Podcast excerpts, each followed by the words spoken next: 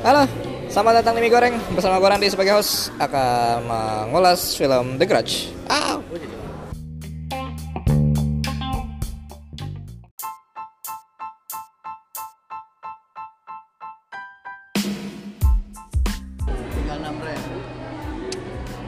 The Grudge. Wah gela-gela Emang bener sih ya. Berhasil banget ngebuat yang nonton dan beneran ya sama nih film udah buset dah ya. Ceritanya begitu hambar dan terlalu generic in my opinion. Gak ada yang spesial dan semua begitu membosankan. Ya gak sih? Lo ngerasa bosan gak sih sama ya, lo merasa bosan gak deh? BTW gue nonton berdua. Visual shot yang ditampilin terus juga adegannya ya ya udah aja anjir gila. BTW The Grudge ini tadi ternyata pas gue cek apa namanya The Grudge tuh remake film horor katanya ternyata dari film Jepang dari film yang terkenal tuh nama judulnya Ju-on.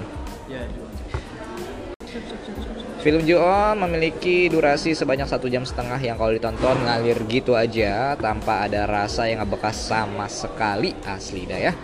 Film dengan nama remake yang begitu besar tapi terasa begitu murah dan gak berhasil nyampein apa-apa selain nih film horor nih. Ya udah gitu aja ya lah.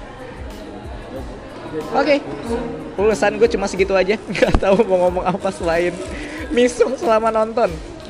Pertama karena memang filmnya yang ngebosenin dan ya anjing aja suasana studionya yang gak nyaman karena penonton yang ripuh banget.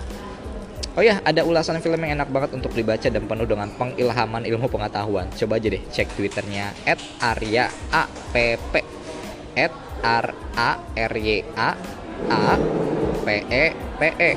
Nah, itu seru banget deh tulisan dari Mas Arya itu. Dicek aja dan dia juga membuat tulisan seputar film The Grudge dan gue banyak terinspirasi juga sih dari tulisannya. Mas Arya, mania mantap. The Grudge dari gue cuman bisa memberikan nilai 2 dari 5 untuk gue kali ini. Kalau lo mau ngasih skor berapa kira-kira Ham? Dari 1 sampai 5. Satu. Sedih banget satu. Ya udah deh. Gue Randy cabut. Dadah. Gitu. Endingnya aja tiba-tiba. ah,